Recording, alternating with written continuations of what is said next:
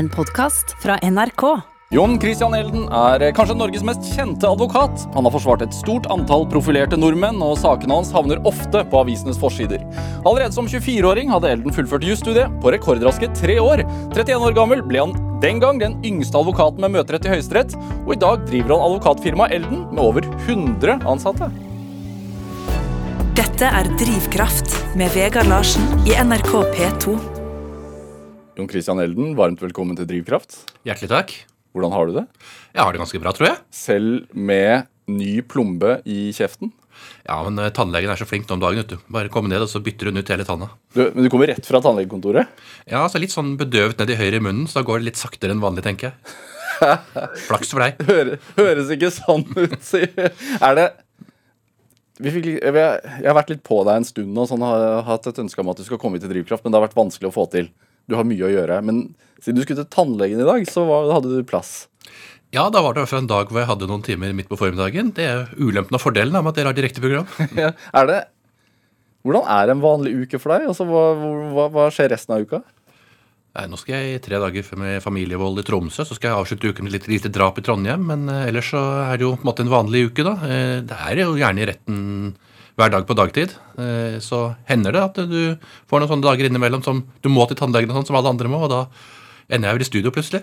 Men altså, tre dager familievold i Tromsø, drap i Tromsø altså, Ting som de fleste av oss uh, virkelig egentlig nesten ikke ønsker å lese om. Det er arbeidsuken din. Ja, øhm, arbeidsuken min er ofte sånn at jeg ikke vet hva den går ut på heller, og det er det som er kanskje mest eh, spennende med den, at det dukker opp ting eh, hele tiden. Ja. Det er folk som trenger hjelp til et eller annet. Noen, har, noen er i sin livskrise. Hvordan velger du saker? Ja, primært jo at de som tar kontakt ut fra at jeg har tid til å kunne ta det. For jeg er litt opptatt av variasjonen. Eh, Jeg syns det er veldig greit å sitte både med en promillesak og en drapssak, eller med helt andre sivile tvister, prosedyresaker i Høyesterett, som jeg har mye av, oss på nesten hvilket som helst tema. Men det er variasjonen i dette her som eh, driver meg. Men det ble henvendelser til kontoret. Ja, eh, det er nok ikke så lett å komme rett frem til meg. da Jeg kan ikke være min egen stralbordam, holdt jeg på å si. Det hadde ikke fungert. Da hadde jeg ikke fått gjort noe. Nei. Også, men plukker du da saker ut ifra hva som kommer inn, hva du tenker er mest interessant, eller eh, er det noen andre i firmaet ditt som tenker at dette er Jon Christian interessert i? Nei, det, det går jo opp advokatvaktsaker. Altså, vi har mange som jobber i firmaet. Mange jobber med saker. Det kommer inn, det, de fordeles, det arbeides med. Vi ser på kalenderne, ser hva som passer. Hvilke saksfelter er man opptatt av. Eh, Så alt sånn som eh, gjør at man spiller hverandre gode. Det er Hvilke- fordelen med å være mange. Hvilke saksfelter er du opptatt av? Jeg, som jeg, sa, jeg er litt opptatt av variasjonen. Eh, Jeg trives ikke så veldig godt med å låse meg fast i eh, et felt. Jeg trives med at eh, alle saker er forskjellige, og at de ikke skal være for like. Jeg trives med saker hvor det er eh, juss i dem, hvor det er mulig å utfordre jussen på en eller annen måte. Eh, Eller saker som består av det jeg kaller ren urettferdighet. Der finnes noen av de også. Hvordan ser du at her kan du utfordre jussen? da? Det er hvis du har eh, juridiske temaer. Det er kanskje saker som ikke har vært prøvet av domstolene på tidligere tidspunkter. F.eks. det er en rettsutvikling eh, som finner sted fra andre domstoler fra resten av Europa. Ting som kan spille inn på Norge. Altså, mye går jo Jussen er et samfunnsfag. ikke sant? Det går jo på en måte på å finne ut hva som er riktig.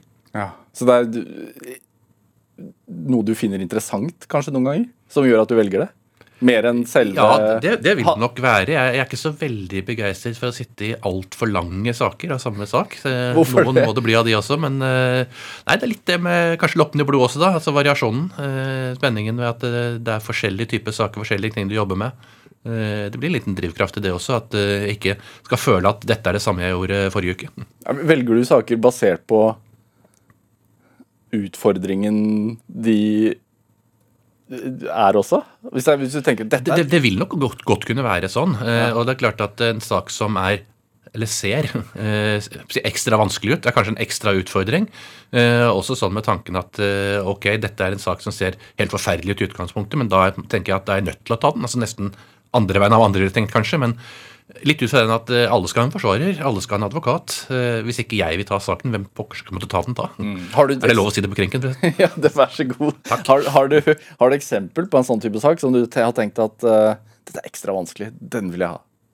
Jeg tror jeg skal være veldig forsiktig med å gå ut og navngi enkeltsaker på det, for det kan jo tyde på at jeg mener noe om de enkelte sakene. Så la, la, la den ligge. Men man kan jo tenke seg at det er mange saker av og til hvor uh, folk har en oppfatning om saken, f.eks. Og jeg er, jeg er, folk som alle andre, så jeg har jo gjerne den jeg starter med en sak, jeg også. Men det er den, den oppfatningen som er viktig å utfordre. da. Ja, Hvorfor i alle dager sier denne mannen her at han er uskyldig, når all type på er skyldig? altså Da tenker jeg at det er et eller annet som ligger bak det også. Ja. Det er kanskje, kanskje, han faktisk er uskyldig. og Det, er jo det som blir veldig pirrende uh, av og til i uh, sånne sammenhenger. Uh, og hvor du møter ofte en, sin motstander i form av hele, ja, i form av publikum. Men tenker at ja, men i alle dager, dette mennesket er jo skyldig, hvorfor forsvarer du vedkommende? Jo, men det er nettopp fordi at vi ikke vet det. Ja, det pirrer deg. Ja, det gjør det. Er det, det er ikke, Du har ikke noen forelda sak da, som du kan uh, snakke om? Nei, sånn diskresjon og taushetsplikt, så det varer alltid stalt å finne en balansegang. Eh, sånn er livet. Men hender det at venner ringer deg og spør om du kan hjelpe dem med sånn bagatellsaker og sånn? Det er klart det gjør det. Ja. Eh, akkurat som å være, være, lege i et selskap, så får du alltid noen spørsmål om eh, et eller annet der også. Ja. Det, er klart, det, klart, det dukker opp. Og veldig mange sånne si, vennespørsler går jo ganske fort også, da. For veldig mye er jo på en måte et ja-nei-råd. Eh, så ja da, det går nok bra, det òg. Er det Det med Du har blitt kalt kjendisadvokat. Ja, jeg noterer meg at noen bruker det begrepet. Ja. Jeg er så begeistra for det. Men hvorfor ikke? Nei, jeg tenker at det, liksom, det, ligger mer sånn at du er, du, du er, kjent for å være kjent, holdt jeg på å si. Det ligger i kjendisbegrepet. Eh, ikke nødvendigvis at du er det fordi at folk respekterer det du holder på med, setter pris på det du gjør, mener du er flink i det du holder på med osv. Det er liksom ikke nødvendigvis innenfor et slikt eh, begrep. og da ja, da tenker jeg at jeg er ikke helt begeistret for det. Jeg hadde jo håpet litt mer, da. Eh, at jeg på en måte skulle bli anerkjent for, for arbeidet, for innsatsen. Føler du ikke at du er det? Da? Kjent advokat er noe annet enn kjendisadvokat, hvis du ser to forskjellige ting ved gruppen. Dette er Drivkraft med Vegard Larsen i NRK P2. Og i dag er den kjente advokaten Jon Christian Elden her hos meg i Drivkraft på NRK P2. Han lærer raskt. Ja, tusen takk. Men det med juss Din far var advokat. Din bestefar var jurist. Ja, han var jo også for advokat, høyesterettsadvokat i bunn, men han praktiserte stort sett som andre ting, som høyesterettsdommer, justisminister og mye sånne ting. Men han hadde advokatbevilgningen sin.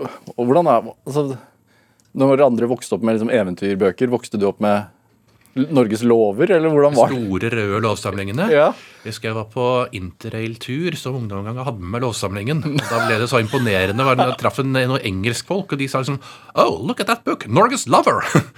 Så jo da, det virket jo det også, det hadde sin effekt. Men eh, nei jeg det var nok med til uh, unntakene når man uh, måtte lese på noen ting underveis. Men du hadde det med boka? Er det, det er, Akkurat det, det, det, det der hadde jeg faktisk med lovsavlegg på, på tur. Så det, det, kan hende, det også. Men, hvor, hvor, var turen? Det var en interrail-tur. Så det var bare, bare rundt i Europa. Så det var ikke den boken som var mest fremme underveis, men man putter jo med seg noe studiemateriale i sekken når man reiser ut. da. Så det, hvor, gammel, hvor gammel var du da? Nei, da må jeg ha vært en rundt 20, da. Er det? Men, jo, men altså, tilbake til spørsmålet mitt. Vokste du opp med å prate Altså, hvor sentralt var juss i barndomshjemmet ditt? Mindre sentralt enn du skulle tro. Eh, ja. Fordi at det, det, er litt sånn at når det, når det, er jobben, så er det ikke alltid sånn å ta med seg jobben hjem. Eh, det var veldig sjelden for faren min kom hjem og skulle diskutere juss osv. Og, så og hvis jeg var da hos eh, grandonkelen min eller bestefar, da, eh, så eh, var det ofte jeg som måtte ta initiativet. Jeg tror det er også noe som har fått eh, engasjementet mye større. for det, Han var jo et levende leksikon og levende historiebok Din bestefar. Eh, på en gang. ja. ja. Eh, og Så var han ansvarlig for landssviksoppgjøret etter annen verdenskrig f.eks. Altså mye, mye sånt. Da. Det er klart at da, da, lærer du veldig mye på det. og Jeg må jo dra ting ut av han, men da blir det jo mye mer spennende òg. Det, det var liksom ikke han som kaster over meg og sier at nå må du lære, nå må du skjønne, nå må du forstå. Det er mer sånn at ja, men hvordan, hvordan er dette? Og så stiller han egentlig spørsmålene tilbake til meg, så det er jeg som må resonnere. Hva var du nysgjerrig på da? Ja, på, på, alt, holdt jeg på å si. Altså, ta den delen som bare lærer meg veldig enkelt. Da. Han Som prinsipiell motstander av uh, dødsstraff. Uh, så sier han likevel at ja, eh, det, det, er han, men som justisminister så måtte han akseptere dødsstraff i 45, 46, 47. Fordi han sier at Norge ville, som samfunn ville aldri akseptert noe annet. Da ville det blitt folk som gikk ut og tok loven i egne hender. Det ville blitt opprør. Så man var nødt til på en måte å se, ha et pragmatisk tilnærming til akkurat det, helt frem til jeg tror første, første 48 eller sånt, etter det men nå hadde han alle som var dømt til døden, og da gikk det greit. Han hadde liksom fått de første årene og fått eh, tatt igjen på de verste, fordi at samfunnet krevde det. Selv om det altså prinsipielt sett er noe som han var veldig mot. Eh, samtidig sier han også dette med prinsippmotstanden mot dødsstraff. Hvorfor har han det? Altså, jo, Det er fryktelig enkelt, det. Eh, man kan jo ikke drepe folk for å lære dem at det er galt å drepe. Og det, jeg syns det er et ganske godt argument. Er det Som, som advokat, tenk, har du noen synspunkter på liksom straffeutmåling i det landet her? Det er klart Du får jo det etter hvert, eh, og lærer vel kanskje at eh, bruk av fengselsstraff er kanskje noe av det minst produktive man har. i hvert fall Hvis man skal prøve å få folk til å ikke være fremtidig kriminelle. Eh, for unge som kommer inn i fengsel første gang, hvis de kommer innenfor fengselsmurene, så er det vel mer enn 50% sannsynlig at de kommer tilbake igjen. Hvis man har en alternativ reaksjonsform for dem, så er det nesten usannsynlig Eh, at de eh, kommer tilbake. altså min, I hvert fall mye mindre eh, sannsynlig.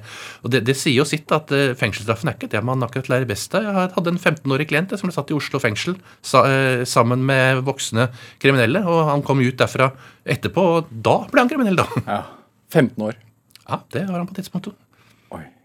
Hva, blir, du person, blir du personlig involvert da?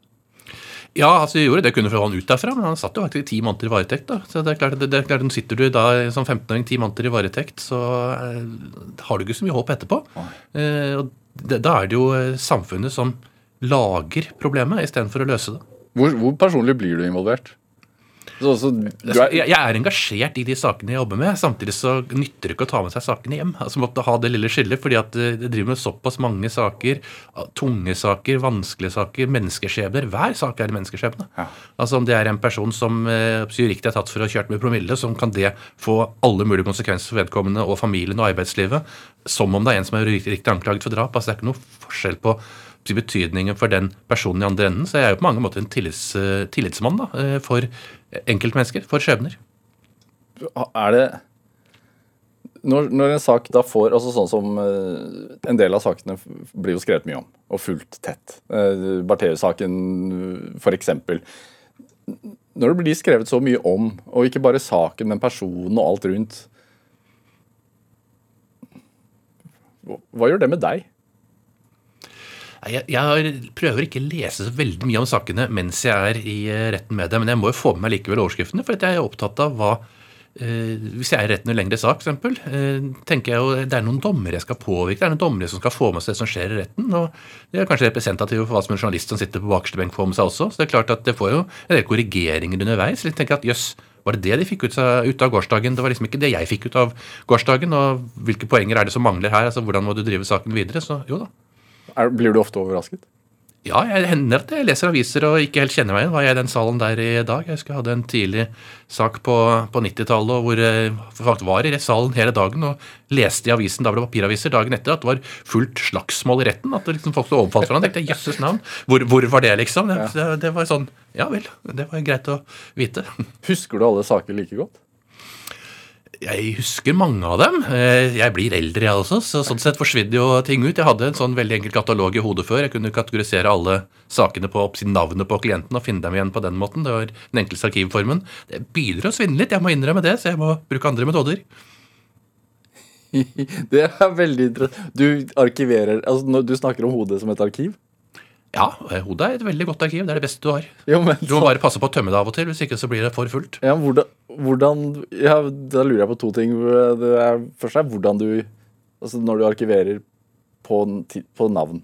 Hvordan, hvordan, gjør det? Hvordan kan du forklare det til en person som har kaos? Nei, det er bare. Altså, jeg, de fleste husker jo eh, hva de har gjort på en eller annen måte. Ja. Eh, om du ikke nødvendigvis kan si når og hvor osv. Men så er det å finne en knagg på det hvis du skal finne igjen noe materiale som er relevant på det også. Altså, jeg vet jo om rettssaken min, jeg vet jo om en del rettssetninger, ting jeg har lært fra rettssaker, hvordan det er, hvordan man skal svare på en del spørsmål. Ja. Men det er bare det at som jurist så holder det ikke å si at eh, jeg mener at. Du må gjerne tilbake igjen og vise til en tidligere dom eller vise til erfaringsmateriale og sånn. Og Da må du ha en knagg da, å henge det på. Ja. Og den knaggen fungerte veldig mange år for meg, veldig enkelt, og rett og slett navnet på klienten som jeg husket.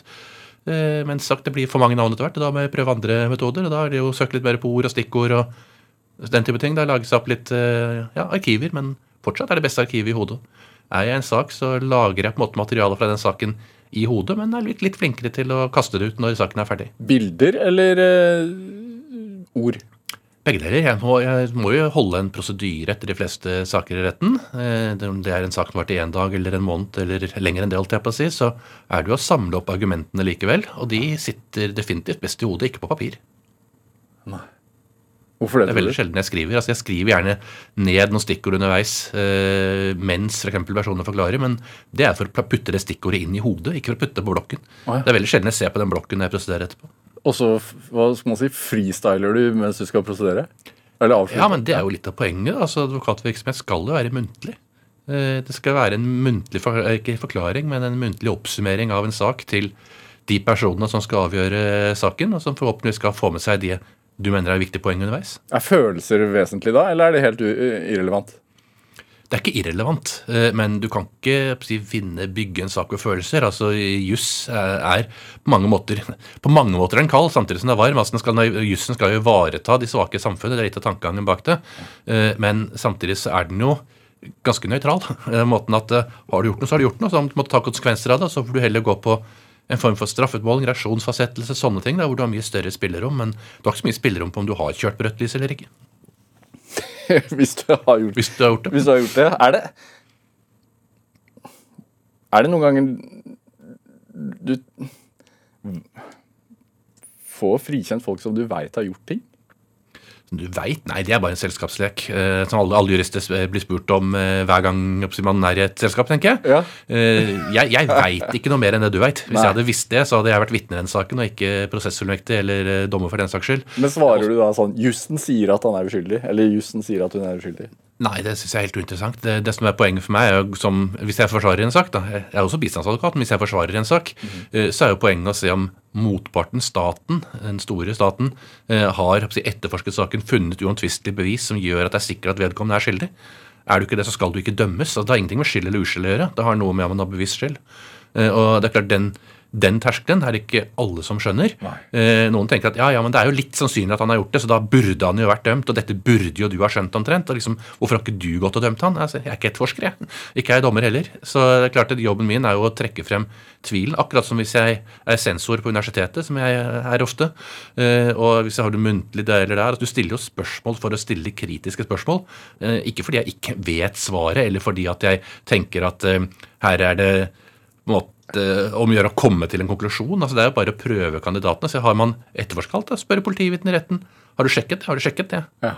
Er det gjort på den måten? Er det alternativer?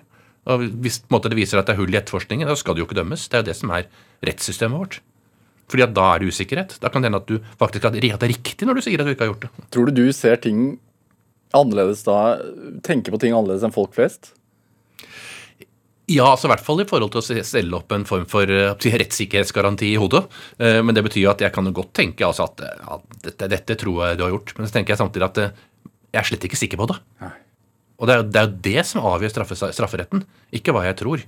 Eh, Og det er derfor det er så misvisende når media andre eller forhåndsdømmer går ut med bilder liksom, og måtte skal trekke frem en sannsynlighet for at vedkommende er sikkert gjort, og han er jo fengslet, så da er han sikkert skyldig. Altså, nei, det er ikke sånn det er. Prøv selv, for å si det sånn, og sett deg i den posisjonen. Blir du Men du velger jo hvilken posisjon du vil ha.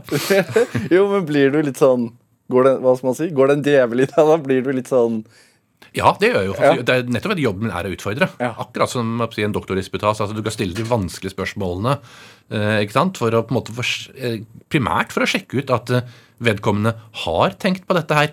Vedkommende har vurdert dette, eller kan i hvert fall svare på det og skjønner det. altså Målet er ikke å sette vedkommende fast. Men eh, hvis det da viser deg at du får svar tilbake at nei, dette hadde jeg ikke tenkt på. Oi, nei, jeg hadde ikke sjekket de alternative sporet at det kunne være en annen gjerningsmann. Nei, nei, det var litt uheldig. Ja, det var veldig uheldig, og da er det bra jeg satt her, for da skal ikke han her dømmes. Hvordan var du under religionsundervisningen på skolen? Å spørre religionslæreren min. Nei, men er det noen som noen ganger har greid å bevise religion, eller er det religion hevet over hver rimelig tvil, eller hvordan er dette her? Ja, du var den personen. Nei, jeg turte aldri.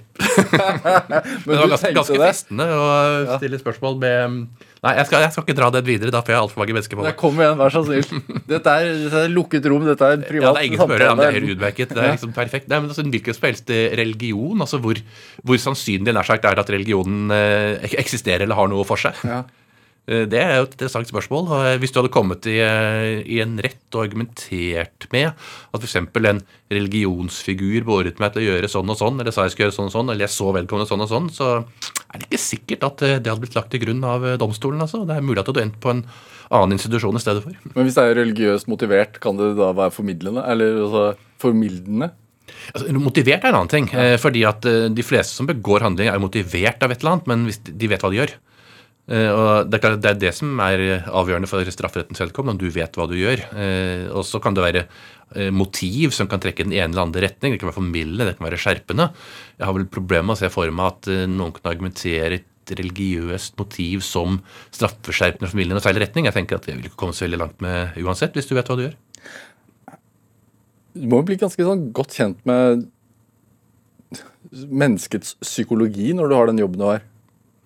Har, har det har, liksom, Du gjennom karrieren, har du forandret syn på folk?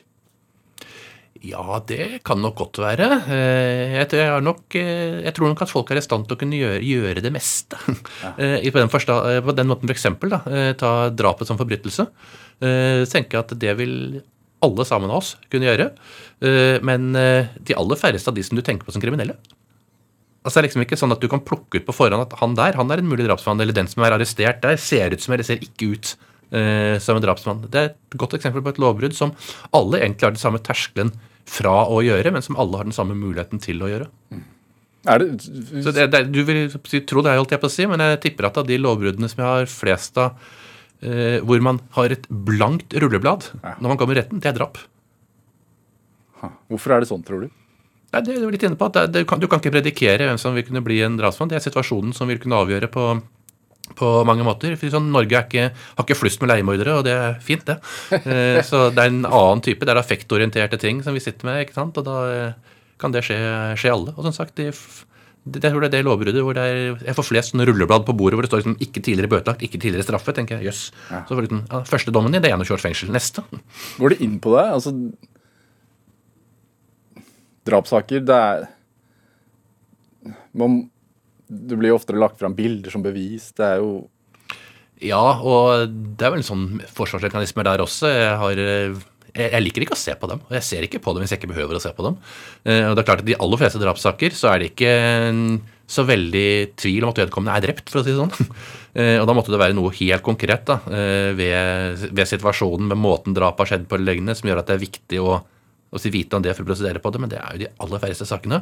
Eh, og de fleste sakene så legger jo påtalemyndigheten bare frem slike bilder for å prøve å skape inntrykk eh, hos eh, dommerne, mer enn at det har noen reell bevisverdi. Så du bør ikke gå i den fella. Er det Hvor viktig er selvsikkerhet i jobben din? Det er kanskje farlig. Eller. Eh, Du skal naturligvis være selvsikker på det du gjør, men du skal ikke være så selvsikker at du ikke vil kunne høre på andres innspill. fordi at hvis du går på si, jobb som forsvarer, altså du har på en måte en ferdig sak når du kommer inn, og ikke får med deg det som skjer i saken underveis, og går ut igjen og tror du har den samme saken, da taper du. Eh, Fordi at i alle rettssaker så skjer det noe uventet, noe du ikke tenker på i løpet av selve rettssaken. Noen forklarer seg annerledes enn du tror. Ting er annerledes enn du tror, ikke minst. Eh, Og da er noe av det viktigste at du kan fange opp den type ting og tenke at ok, dette har ikke noe med å gjøre. Si selvsikker eller ikke selvsikkerhet. Kanskje selvsikkerheten er mer det at du er i stand til å fange opp alternativer og få med seg og si, prosedere det som faktisk skjer i retten, ikke det du har bestemt deg for på forhånd at burde skje i retten. Er det en konkurranse der oppe? Føler du det? Altså litt? Nei, jeg, jeg føler det er mer alvorlig enn Ja. en konkurranse. Ja. Eh, altså det er hele tiden skjebner du opererer, du holder på med. Eh, du kan ikke gjøre det til en konkurranse, eh, men du er nødt til å gjøre jobben din grundig hver eneste gang. Eh, og Derfor vil jeg at eh, hver eneste sak er like viktig. Er det Fins det saker du ikke tar?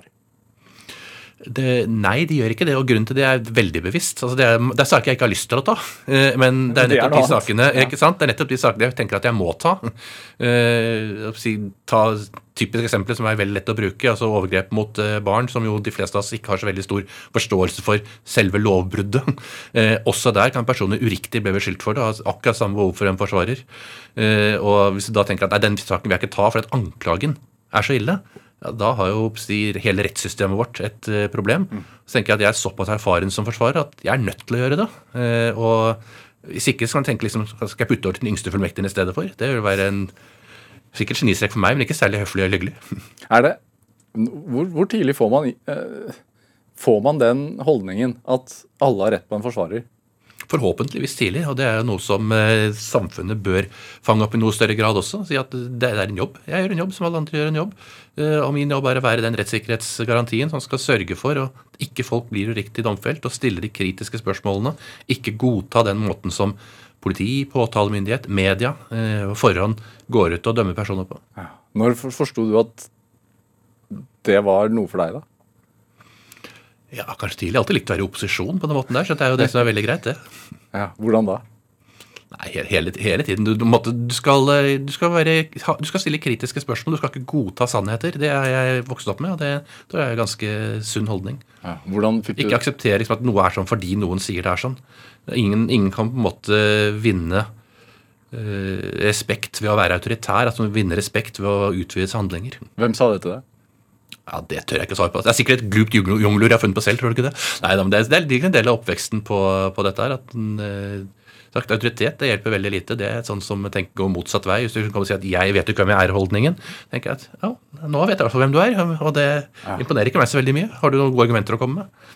Ja, Så du ble lært tidlig at Ja, det går nok motsatt vei. Du må, du må, kunne, argumentere, altså, du må kunne argumentere for deg, Jon Christian. Ja, det, du kunne du, i hvert fall det ikke, altså, ikke å godta liksom, ting fordi noen sier at det er sånn. Da, da er på en måte argumentet borte, hvis du er i stedet du må ty til. Ja. Og ikke spør om barneoppdragelse nå, for det går enda verre. dine, de, de, for, mot dine barn, eller? Jeg er det også, og jeg er det så ofte. Ja. Men det er veldig bra. det. Jeg synes det er helt flott. Ja. For å det tilbake at, eh, ja, men pappa, Hvordan kan du si at det er sånn? Hvorfor, hvorfor er jo standardspørsmålet tilbake. Og det er ikke ja. alltid du har svaret på det, det er greit, det, men da får du bare tenke at det er et dårlig argument, og det er riktig at de spør. Men er, er, lærte du hjemme å argumentere? Jeg lærte i hvert fall at jeg skulle stille spørsmål. Ja. Eh, og nettopp det med Hvordan da? Ja, ved at om noen, om noen, sier noe, om noen påstår noe, eh, om noen sier at noe skal være sånn eller er sånn, så er i hvert fall det viktigste spørsmålet å stille i, først i hodet, er jo hvor, hvorfor det, eventuelt også stille det høyt. Altså, Hva er begrunnelsen for at du mener dette, ikke bare påstå at noe er sånn. Ja. Kan du huske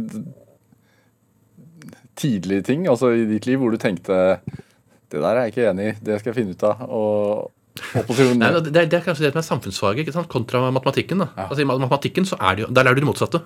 I matematikken lærer at to pluss to er fire. Hvorfor er det sånn? Altså, det går ikke an å stille det. for det er liksom ja, Aksiomene på plass. ikke sant? Altså, det skal være, Du må ha et system for å kunne få hele til å fungere. I samfunnsfagene er det motsatt. altså Der er det ikke avhengig av et system, der er det avhengig av en logikk.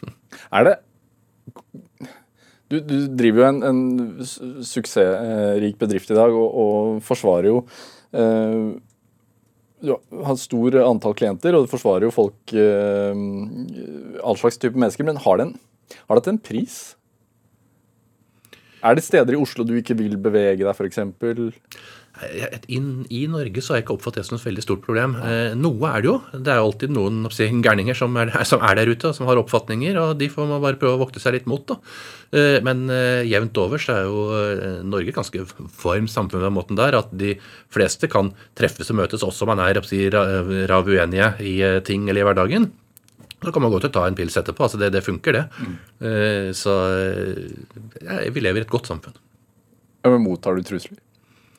Det er klart jeg gjør det såpass profilert at noen som ikke greier å skille en eh, advokat fra en klient, noen greier ikke å skille oppfatning på vegne av en klient fra meninger som jeg måtte ha. og Det er klart at det, det, er problematisk, men det er egentlig mest problematisk for de som ikke greier å skille det, enn det, enn det er for meg. Men det er klart det gjør at du må ta noen forholdsregler. Derfor du gjør det. da. Ja, altså Du tenker at Sånn er det. Det må jeg bare deale med. Det, det, ligger på en måte litt av den baksiden av den medaljen. Da. Ta det valget og ville stå opp, for, eh, stå opp for andre på den måten som jeg gjør i en del tunge og kompliserte saker. Eh, ja. Være tillitsmann for eh, vedkommende.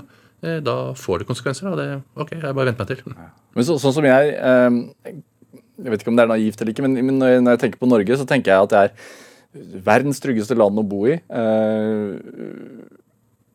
Tenker du det også? Ja, egentlig så tenker jeg at det er det. Ja. Eh, og sånn i det daglige jevne så, så, er det det. Eh, og sånn skal vi fortsette å ha det. Elden, vi skal spille litt musikk. Yo. Eh, du har med en Elvis Presley-låt. Er du fan av Elvis Presley? Elvis Presley er en herlig fyr, det. Men det, er jo et nødvendig valg her av låt da, som må høre hjemme i denne saken her. Ja, J-Louse Rock altså, ligger i navnet, men fortell. Det er vel en, er ikke det den første musikkvideoen som ble laget i sin tid? Derfor er det sagt noe omkring det. Men eh, det er jo måten Sverres presenterer det på, og hvordan du på en måte også bygger opp et samfunn bygger opp eh, en form for si, vennskap i et fengsel, i det tilfellet der. Det er jo det mye av denne går på. og Man får et felles prosjekt, et engasjement, noe man jobber med, eh, som vi godt kan finne igjen i våre fengsler i dag. Oslo fengsel har sin stifinner. Det er forskjellige personer som driver med sosiale ting i fengslene, har det samme målet, rehabilitering få dem ut og ikke inn igjen. Og denne saken her fanger jo opp mye av det samme, da. Og så er det humor, da. Det er Naturligvis er det humor. Jailhouse Rock må jo være min låt.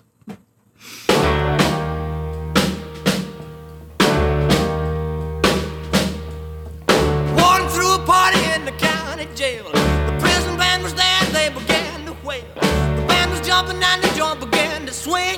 You should have heard this knocked out jailbird sing. Let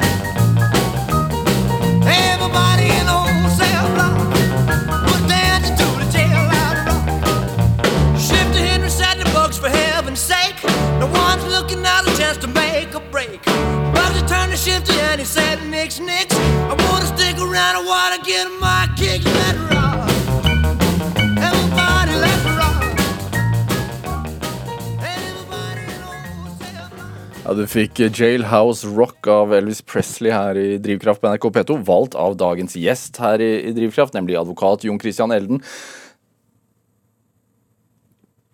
Hvordan var du som barn? Et snilt barn. tror du ikke det? Jeg lot i hvert fall sånn. Det fins jo ikke slemme barn. Nei, ikke sant? Alle barn er snille. Men var du Hadde du evnen til å fokusere allerede som barn?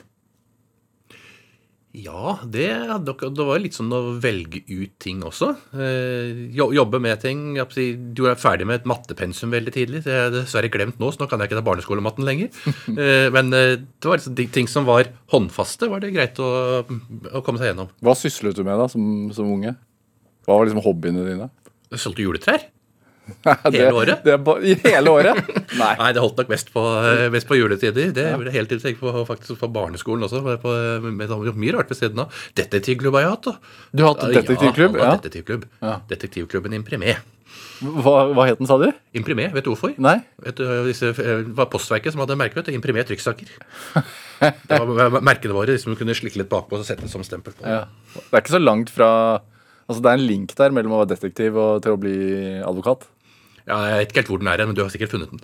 Ja, er det ikke det, da? Jo. Jo da, det er sikkert noe av det samme. Ja. Men var det Er det For jeg, vet jo ikke Jeg kjenner jo ikke deg, Ellen, men, men altså, du har jo Du må jo ha en sånn eksepsjonelt evne til å fokusere. Og man leser jo sånne eh, myter om deg i media, at du øh, har eh, fotografisk hukommelse. Stemmer det? Ja, altså, i hvert fall i den forstand at eh, Hvis jeg leser noe og ser noe, så har jeg det så lenge jeg trenger å ha det. Men eh, også der er det sånn at det kommer nok ut etter hvert. Ja. Eh, men eh, så lenge jeg holder på med en sak, så vet jeg hva som har skjedd i den rettssaken her, og det er ganske nyttig. Og at du tok eh, juss på tre år istedenfor fem år. Jo, men det, er ikke, egentlig ikke så vanskelig å ha, for juss er ikke et puggefag. Juss er et forståfag. Eh, og det er litt sånn, Har du forståelsen for det? Altså, hvis, ja. ja, det levde opp med politikk i bunn, levde opp med jurister i familien. ikke sant? Altså Alt sånn, Du har på en måte veien inn. da, Samfunnsfag. Juss som samfunnsfag er jo et common sense-fag. og der Derav min tilnærming til det. Eh, jeg satt ikke og finleste eh, bøkene fra A til Å for å huske hva som sto på de ulike sidene, men jeg leste gjennom og tenkte at eh, dette er fornuftig, dette er det samme jeg ville illustrert meg frem til. Dette er common sense, her er svaret. Det jeg ville på en måte tenkt at er svaret. Da hopper jeg over det. alt jeg på å si, Da biter jeg meg ikke merke det. ikke sant? Men det betyr jo ikke at jeg vet hva som står på side 48, fjerde spalte. altså Det er ikke den type fotografisk hukommelse, men jeg får med meg innholdet. at jeg trenger det. Er det noen negative sider med å ha så godt minne? Hvis det hadde sittet igjen, så hadde det vært et fryktelig dårlig eh, deal på dette her. Eh, men eh, som sagt, jeg har, det når jeg trenger det. Ja. Hvordan var det hjemme hos Elden, da? I barndomshjemmet? Det var et hvitt hus. Ja. Hvor på? Hvor, en, hvor, en, hvor, hvor en da? Nei, Det var i Oslo vest. Ja. Jeg vokste opp i Oslo hele tiden. Ja. Hva, tenkte du tidlig at du skulle bli jurist? Sånn fra et eller annet stadium når jeg ikke lenger skulle være politimann og brannmann og sånn, liksom, som var de tidlige tingene som alle oss kaller det her på begynnelsen av skolen. Mm. Men eh, det var liksom For jeg tenkte at jurist, i hvert fall, eh, som yrke, var en veldig grei måte å ta det på, for da kunne du gjøre veldig mye etterpå. Det gikk nok litt lenger til, for jeg tenkte jeg skulle bli advokat. Det er på en måte et sånn yrkesvalg igjen, mens jurist er en utdanning. Eh, den kan du gjøre fryktelig mye ved. Jeg kjenner jo veldig masse jurister og hatt mange gjennom oppveksten. og Ikke alle min fars, eller ikke alle, men veldig mange av min fars venner har også jusutdanning i bunn, men drev med så veldig mye forskjellige ting. Mm. Så det var jo noe av det jeg tenkte på på jussen. At eh, ja, det er en fin vei å ta utdanningen, og så kan du finne ut hva du skal bli etterpå. Eh, mens f.eks. starter du med et medisinsk studie, så vet du, eller må du vite, at du ønsker å bli lege når du starter med det. Det er klart den det var jeg kanskje ikke så klar for å gjøre allerede på når jeg startet med studiet. Det var det jeg ventet litt og se an. Ta denne utdanningen, den er nyttig, og så ser jeg hva jeg kan bruke den til. Idrett, da? Det har kanskje aldri vært min sterke side. Nei, hvordan, det, hvordan, har det vært? Det er vesentlig når man vokser opp? Ja da, nei, altså, Jeg hadde foreldre som tok meg på det meste. Jeg drev jo med si, tur, turn og tennis og det meste av si, ulike ting eh, sånn sett. Men uh, uh, ja det var, det, var, det var, sosialt. Det var jeg med på. Det var klart at Man må få bevegelse i kroppen på det som er uh, nyttig. Så jeg angrer ikke på det, men det har ikke blitt min vei. Ballett har jeg faktisk også danset. Tro det eller ei. Ballett? Gjorde en Kirkenærs ballettskole. Ja. Du har jo du har blitt kjent for sånne sommerfester. Er, er, det litt ballett på de, eller utover? Ja, jeg vet ikke om så mye ballett der. Det er kanskje mer dans. ja, er det? Uh, du begynte barneskolen før alle andre? Ja, jeg fikk vel beskjed om sint sin at jeg var den yngste som hadde begynt på eh, barneskolen etter en sånn eh, dispensasjon fra Jeg mener å huske at det var Kirken undervisningsminister Kjølv Egeland som hadde signert et eh, brev hvor jeg fikk lov til å begynne fordi jeg er født den 2. juli i et, eh, i et, år. Og den absolutte grensen for å bli tatt inn på dispensasjon det er at du er født før 1. juli. Eh, men den absolutte grensen fikk vi da overskredet med, med, to dager. Så jo da, det har skjedd. Men jeg skal ikke påstå at jeg var så veldig delaktig i å, i å søke, men jeg greide å putte sånne firkanter i firkantede hull og eh, sylindere i runde hull osv. Og, så og det funka, og da var opptaksprøven på plass. Ja, men hvorfor mente foreldrene dine at det var viktig at du kom inn? Det vet, det vet, jeg egentlig ikke. For det, sånn. det har liksom aldri vært noe diskusjonstema på hvorfor akkurat det. Men eh, de, de, søkte meg inn, og de fikk meg inn. Og det var fordi de mente at jeg burde, burde være inne. da. Om det var riktig galt, jeg vet ikke, men sånn er det blitt. Det er jo ikke alt du kan gjøre om eller tenke på. Ulempen med det var at jeg var alltid ett år yngre enn alle de andre i klassen. Jeg var 17 hele russetiden. ja. Avholds, da, hele rusttiden. Man kan så tro. Ja, det eh, Er det Altså, du har eh, Du driver jo Elden eh, advokatkontor i dag, som en gang i tiden ble startet av din far. Ja. Du har portrett av han fremdeles på jobben? Å ja, det henger på veggen i inngangspartiet. Hva tenker du når du ser han der? At det er han som startet dette her. At han på at det er den som fikk meg interessert i det uten å presse meg inn i det. Ja. Eh, og ikke, men ikke minst at han også var en person som hadde veldig mye common sense. Eh, han tok poengene der det var poenger å ta, og så lot han ting fare hvis det ikke var poenger i det. og Det tror jeg også har lært ganske mye av. Altså Du skal fokusere på der du har en mulighet til å vinne frem, der saken din er god, og så skal du la andre ting fare. Du skal ikke si, krangle for å krangle når du er med enkeltrettssaker. Har det vært viktig for deg å imponere han? Det vet jeg ikke. Det er vel sånn som sønner kanskje alltid egentlig eh, har, eller er, selv om kanskje ikke er like bevisste. Eh, jeg tror aldri jeg vil si, si, at de har gjort noe konkret for å gjøre det. Eh, men jeg har fått noen sånne tilbakemeldinger gjennom årene som jeg har satt veldig stor pris på fra eldre advokater, venner av faren osv. Som sier at ja, dette hadde pappaen din blitt stolt av. liksom. Da, da føler jeg liksom, liksom ekstra sånn, si, positiv klump i magen holdt jeg vil si, på at uh, det var hyggelig sagt. Så jeg tenker liksom, ja, kanskje er det sånn også. Da blir jeg litt stolt. Så ja, når du spør, så er det vel en drivkraft hos oss alle. Ja. Hva er den andre drivkraften din, da? Tenker, for, for meg så ligger det veldig mye i det at det er alltid en person uh, i den enden som er en klient, som har et problem på en eller annen måte, som har en livskrise, har et eller annet man trenger bistand til. Uh, og den hjelpen altså la, la oss holde oss i strafferettsverdenen, er ikke nødvendigvis å komme til andre enden og være frifunnet for, for noe, men det er at du, skal kunne, at du skal komme ut i andre enden i det hele tatt. Eh, og De aller fleste norske straffesaker går jo som tilståelsessaker. Hele Poenget er å få en straff som på en måte er riktig, og få en forklaring til vedkommende. Dette kan, Ja, du har gjort noe galt, men mange andre har gjort noe galt før deg. Andre har overlevd dette her før. Ja, det virker som du er i livskrisen din i dag. Eh, slapp av, holdt jeg på å si. Eh, om du må inn i fengsel en periode, om du må drive en samfunnsstraff, om du må gjøre noe. Du kommer ut i andre enden, så er du sterkere. og alle kommer ut i andre enden av dette. Så det er kanskje noe av det viktigste i en helt, sånn innledende fase når folk føler at verden eh, raser sammen. Det veier seg om de har gjort noe eller ikke gjort noe. Det raser like mye sammen uansett. Sier du de tingene til dem? Ja, ofte så gjør det det, i en situasjon hvor du føler at det er nødvendig. Altså, det er klart det er forskjell på en person som har gått inn og ut av et system og som vet hvordan det fungerer, og en person som er kanskje mer vant til å være på samfunnets eh, solside enn eh, skyggeside, og plutselig blitt beskyldt for noe. Altså jeg sier gjort eller ikke gjort. Eh, men verden raser akkurat like mye sammen uansett om du har gjort eller ikke gjort det. Og media er jo mest opptatt av at ja, du er anklaget for noe, og da er du jo liksom skyldig. Det er, klart, det, det er et stort problem. Hva tenker du om de juridiske prosessene i Norge i dag? da? Er du fornøyd med dem?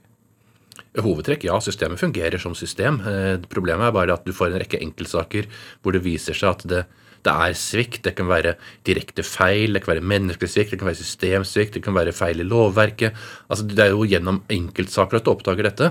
Eh, og de gangene man foretar lovendringer i Norge av si, enkeltparagraf enkeltsteder, så er det jo fordi at en eller annen enkeltsak har vist at eh, systemet var feil. Lovverket var feil. Voldsoffererstatning i forbindelse med dødsfall, f.eks. Altså tilbakevirkende kraft på dette, om man har hatt tap. Eh, det er jo enkelte som dukker opp som gjør at Stortinget kan finne at oi, har vi, dette har vi ikke tenkt på. Her har vi gjort noe feil. Dette rammer urettferdig. Vi må endre loven. Har du fått til det noen gang? Ja, Jeg har jobbet med masse saker og fått en, flere saker inn hvor loven er blitt endret som følge av enkeltsaker, og det er, det er, veldig bra. Og Det er sånn systemet skal fungere. Og det er en liten vei i Norge, kort vei eh, i Norge, fra enkeltsaker til lovgiver. og det, det, er bra. Altså Man kan kontakte sin stortingsrepresentant, man kan, komme med innspill til departementet. De fleste er opptatt av at vi skal ha et lovverk som er rettferdig. Er det, blir du stolt da, eller tenker du at eh, da gjør du jobben din, eller hva er det jeg tenker at jeg gjør jobben, men samtidig så er det jo mange som stopper jobben som advokater et annet sted, da, som ikke liksom går, tar det siste løpet ut og sier at man også skal endre den. altså Man opererer innenfor lovverket som det er og fremmer en sak og er ferdig med den. Ja. Uh, mens jeg går kanskje litt lenger og ser at uh, prøver å trekke erfaringer av saker også. Og gå til noen som faktisk kan gjøre noe med dette, så man ikke får de samme problemene i fremtiden. Hvorfor tar du den ekstra turnen? Ja, Det er jo det som ligger på samfunnsinteressen igjen. da, som at Lovverket skal være så rettferdig og riktig eh, som mulig. Og Hvis du oppdager direkte feil med det, så er det veldig dumt å, å si stoppe. fordi at eh, de som har vedtatt loven, vet ikke om problemstillingen. Hadde de visst om den, så hadde det aldri vært sånn. Men altså, det er litt sånn gresk for meg å holdt på å si. Når, når er det en feil, hva, er, hva betyr det at det er en feil i loven? Det betyr at loven har fått virkninger, og hvor alle tenker at den virkningen den har fått, dette er, dette er uriktig. Det er ikke sånn det er ment å være. Det er sånn, dette er ikke rettferdig eh, resultat, men det er sånn fordi det står i loven at det skal være sånn. Er det da er det fordi man, har trukket, eh, fordi man har trukket linjer ut av, ut av noe. Da, sant? Man har på en måte avsagt en dom fordi at ja, det sto i loven at det skulle være sånn. Uh, ja, et lite eksempel på en lovendring som er, uskyldig lovendring som ble endret eh, ikke så lenge siden. Man hadde en minstestraff i Norge på pengeforfalskning som ble, stammer tilbake fra ja, slutten av 1800-tallet, begynnelsen av 1900-tallet. for da var på en måte dette et, både samspillet, men det var veldig lett å forfalske en penge. Eh, som da hadde, eh, hadde store, lange straffer, minstestraffer på det var tre år eller noe sånt nå. Og så kom det plutselig opp en situasjon på 2000-tallet etter at man fikk fargekopimaskiner. Eh, og så var det da noen, gjerne på gutterommet eller lignende, ikke sant, som tok kopi av en hundrelapp eller to og som skulle begynne å, å falske dem. Så endte det plutselig opp med at eh, vedkommende da, ustraffet person som trodde man hadde bare gått litt i pek, blir tatt for dette her. Så sier de, ja, minstestraff på dette er tre års fengsel. Oi, ikke sant? Altså, da var det mange som fikk ha opplevelser Og den ble jo fjernet da, ikke sant? av samme grunnen at ja, det er fortsatt straffbart, man skal ikke gjøre det, men det er klart at det hører ikke hjemme i en slik straffeutmåling. Det er ting man eh, fanger opp gjennom enkelttilfeller underveis, og hvor loven blir, eh, blir endret. Andre veien, straffeutmåling for eh, i voldtektssaker, ble den andre veien ved at det man ja, tradisjonelt kaller det nachspielvoldtekt eller sovevoldtekt, ble jo tidligere ikke vurdert eh, som voldtekt og ikke vurdert som særlig straffverdig. Kunne få en 75-90 dagers eh, straff for det, mens man får fire år for sin overfallsvoldtekt i Slottsparken. De ble også harmonisert på en helt annen måte eh, ved at man fikk eh, straffer som var nærme hverandre at voldtekt var voldtekt. Så det er klart at eh, det er endringer eh, i lovverket på bakgrunn av enkeltsaker som er det viktigste for utviklingen. Har du vært involvert i begge disse endringene? Ja, de og for også flere. Så det er klart at det det, du, du, merker det underveis. Du ser liksom at det er ting som ting får et uriktig, uriktig utfall. og det, Man ser mye innen fengselsvesenet også, hvor eh, personer som er innsatt i norske fengsler, blir eh, ofte utsatt for ting som man aldri ville akseptert utafor. Eh, og hvor det som er brudd på menneskerettigheter. Det er flere tilfeller hvor fengselets håndtering, også rutinemessig håndtering av innsatte, f.eks. For i form av visitering, klever avkledning, nakenavkledning om at besøk i fengselet osv., som er i stil med menneskerettigheter, som rammes av torturforbud i Menneskerettighetskonvensjonen. Der det høres store bokstaver, og det er viktig, men som man bare har gjort fordi det har vært sånn inntil plutselig man fant at oi, ja, dette var visst ulovlig. Eh, her må vi endre lovverket, og så prøver man å kompensere det nå. Men det er klart at det er mye sånn som dukker opp, og man ser det gjennom enkeltsaker. Alt fra fangen som ble fratatt joggeskoene sine til 150 kroner i, eh, i fengsel, som ble borte. Fengselet har ikke noe ansvar for det og bryr seg ikke om dem. Det var hans sko. Han har ikke penger til å kjøpe nye. Fengsel ble dømt til å betale tilbake disse sko, eh, pengene for disse skoene, fordi at eh, jeg gadd ikke gi meg på det. Det er urettferdig. Ja. I utgangspunktet en fillesak. Altså, ja, ja, ja. Men Som, og fengselet hadde et arrogant svar. Sier at ja, du kan ikke klage på dette, så du får bare saksøke oss. da. Ja. Ok, dere er saksøkt for 150 kroner. Og måtte betale pluss rettsgebyr og saksomkostninger. Så det ble dyrt for staten. Men det er litt sånn altså, arrogant holdning som jeg ikke er så veldig begeistret for. Da blir du Da blir jeg litt sint. Hvert hvis jeg vet at her, her kommer vi til å nå frem til rett. For enhver rettferdighet sier at her når man frem. Hvordan er det å krangle med deg? Du bør ikke prøve. Hvem er det? Er det Ja, det virker jo litt sånn. Ja, det er, det er, det er bare barna som vinner der. Eh, men legger du deg litt bedre om kvelden når du vinner sånne ting? Ja, altså, du gjør det. Det er en måte litt sånn god følelse. liksom. tenker at uh, i, i, dag har rettferdigheten skjedd fyllest, holdt jeg på å si. Altså, ja. Det er klart at du, du tenker de tankene også, uh, selv om du jobber med saker hver dag. Når legger du deg om kvelden? Nei, det varierer. Det kommer på hva jeg skal gjøre dagen etter. Hvis jeg starter en rettssak i Høyesterett klokken ni dagen etter, så er det ikke sikkert at det blir så mye legge seg uh, den, den, kvelden. Men ellers så prøver jeg å si, komme, komme meg i seng ved midnattstider. Det er greit, det tidspunkt. Men du kan, du kan finne på å sitte og jobbe hele natten? Ja, det, det, skjer nok ganske ofte at du er nødt til å gjøre det. Eh, for rettssakene si, rettssaken settes klokken ni dagen etter. altså Det nytter ikke å si at jeg er ikke, jeg er ikke ferdig ennå, kan vi vente litt? altså Jeg ber om utsatt frist. Eh, klubben er i bordet, og du skal levere.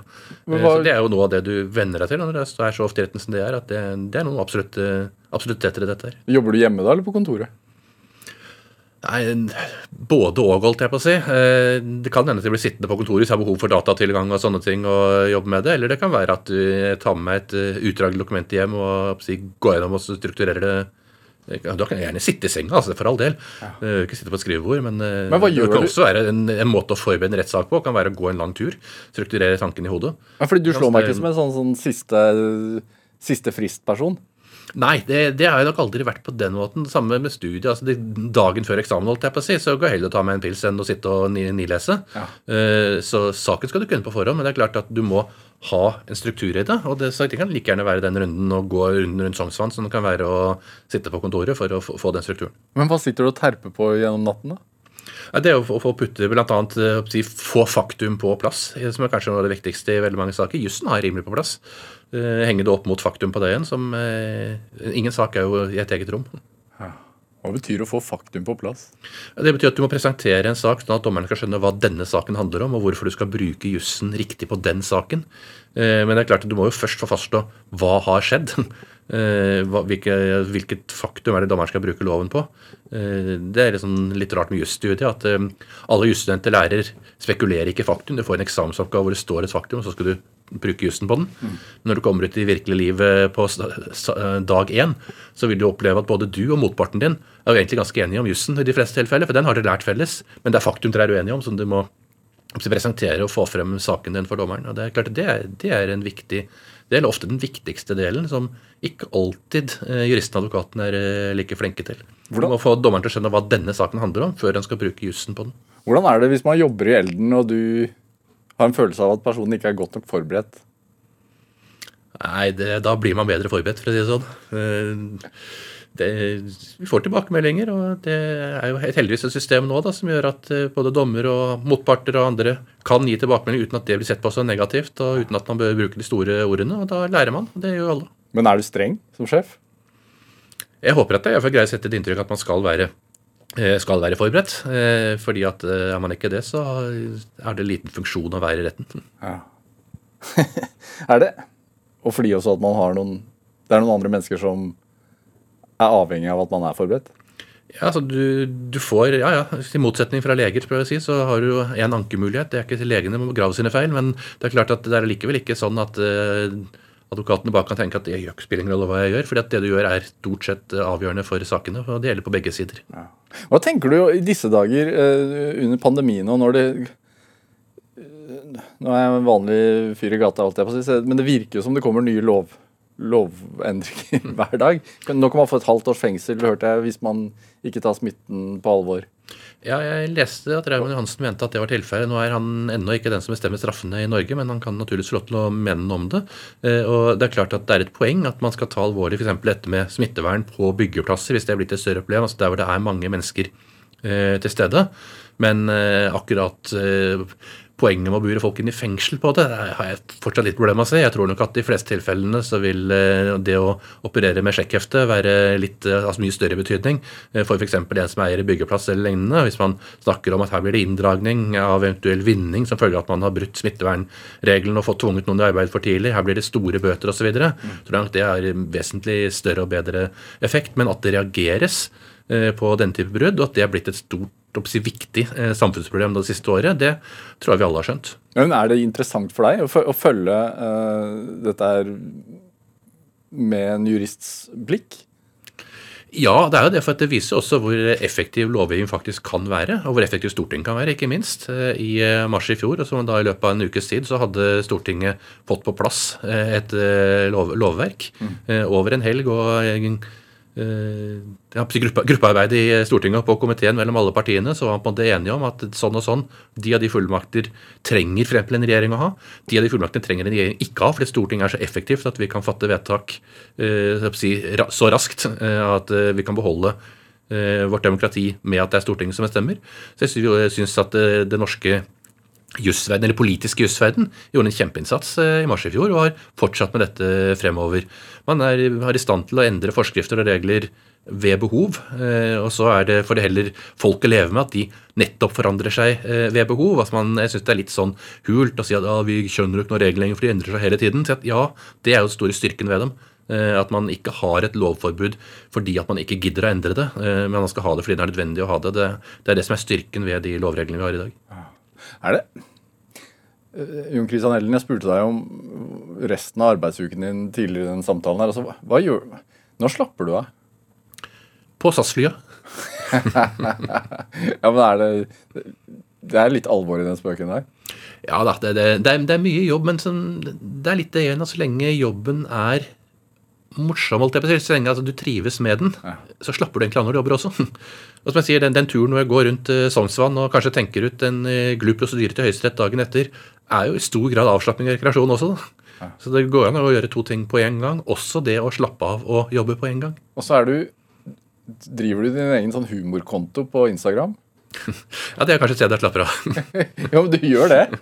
Ja, det, det er så mye si, morsomme ting som eh, varierer eller vandrer rundt på nettet nå, at jeg har prøvd å samle noen av dem. Så det er blitt en konto, det også. Men er det, er det en fordel å ha en slags galgenhumor i den jobben du har? Jeg tror du både må ha galgenhumor og forstått selvironi. Altså, det er jo mye, mye rart som skjer uh, i, uh, i vår verden. Ja.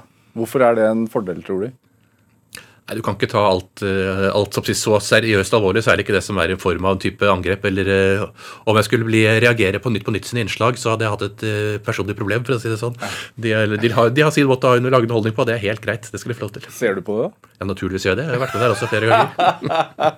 Så du morer deg pri på privaten? Ja, da også er jeg litt streng med dem av og til i media, for det, særlig når de er ute og i realiteten henger ut klienter av meg som i form av forhåndsdømming. Ja. Så da må de tåle å bli vært litt strenge med også. Men for all del, jeg skal ha ganske stor, høyde, eh, stor takhøyde. Er det? Stemmer det at du har sånn muntlig kontraktfesta fredagspils, eller er det bare også nok en Elden-myte? Jeg tror det må være en eh, myte. Det var en myte som holdt, eh, det holdt, den holdt i forrige ekteskap, men ikke det neste. Altså, det er ikke, det er ikke noe fakta, dette her. Hæ? Nei da. Alt, for, alt forandrer seg, og det gjør vel også, det gjør vel også advokatene. Ja, ja, sånn. Er du en romantisk fyr? Nei, Der tror jeg kona vil si, vil si nei, det er jeg ikke. jeg, jeg, jeg har fått med at det er noe som heter 14. februar og Valentine's og sånn, men det er vel hun som passer på det meste. Hva gjør du da? da? Nei, det vet jeg ikke ennå. det er lenge, lenge til neste Lenge, lenge til neste sier. Forrige, for, forrige var et forsøk på ute og spise, men da var dessverre alt stengt. Så da ble det ikke noe av det heller. Da ble det hjemme. Hva lager du til middag da? Jeg kan ikke lage middag. Hvis jeg skal lage middag, så blir det Grandiosa. Så det er hun som lager det også. Nei, er det det, er sånn, det, det er sånn arbeidsfordeling av, av nytte, som det heter. Eh, Jeg kan godt lage en fin Grandiosa med masse ekstra ost på, men det er ikke sikkert du syns det er så fin valentine-middag. Men er det ikke altså Grilling ikke noe, hvor, Det er ikke noe sted på kjøkkenet du tar ansvar? Vi har våre måter å dele ting på. og Jeg, jeg, jeg tar ansvar for restauranten ute. Men har du Det er et slags sånn forsøk på å pirke litt i sånn Ja, privatperson. Ja, eller. Har du noen andre interesser enn juss? Interessen er nok mange, men det, det er nok mer av den typen å prøve, prøve å få slappe av, prøve å gå, ha kontakt med venner, altså gjøre, ting. Eh, Det kan variere på hva du gjør, men det, eh, akkurat det kulinariske, er ikke, har aldri vært min store styrke. Hva prater du om med vennene, da? Juss? Nei, det så er det et tema du prøver å unngå, er det ikke det? Men det er jo det er klart det er mye av hva som skjer rundt i samfunnet. Hva som skjer, hva som skjer med dem, hva som skjer med deres liv. Sånn som med folk flest, holdt jeg på å si. Og så spør de deg ofte var, var, var, var hun skyldig eller ei. Ja, og da er jo svaret alltid det samme, at har ikke peiling. Jon Christian Ellen, tusen takk for at du kom hit til Drivkraft. Bare hyggelig. Hør eh, flere samtaler i Drivkraft i NRK-appen, eller last oss ned som podkast. Send oss også gjerne ris og ros og tips til mennesker du mener har drivkraft. Send den e-posten til drivkraft.krøllalfa.nrk.no. Eh, Vi hører veldig gjerne fra deg, så send oss gjerne en e-post. Produsent i dag det var Kjartan Aarsand, Anne Sofie Stang og Julia Martincic bidro også sterkt til denne sendingen.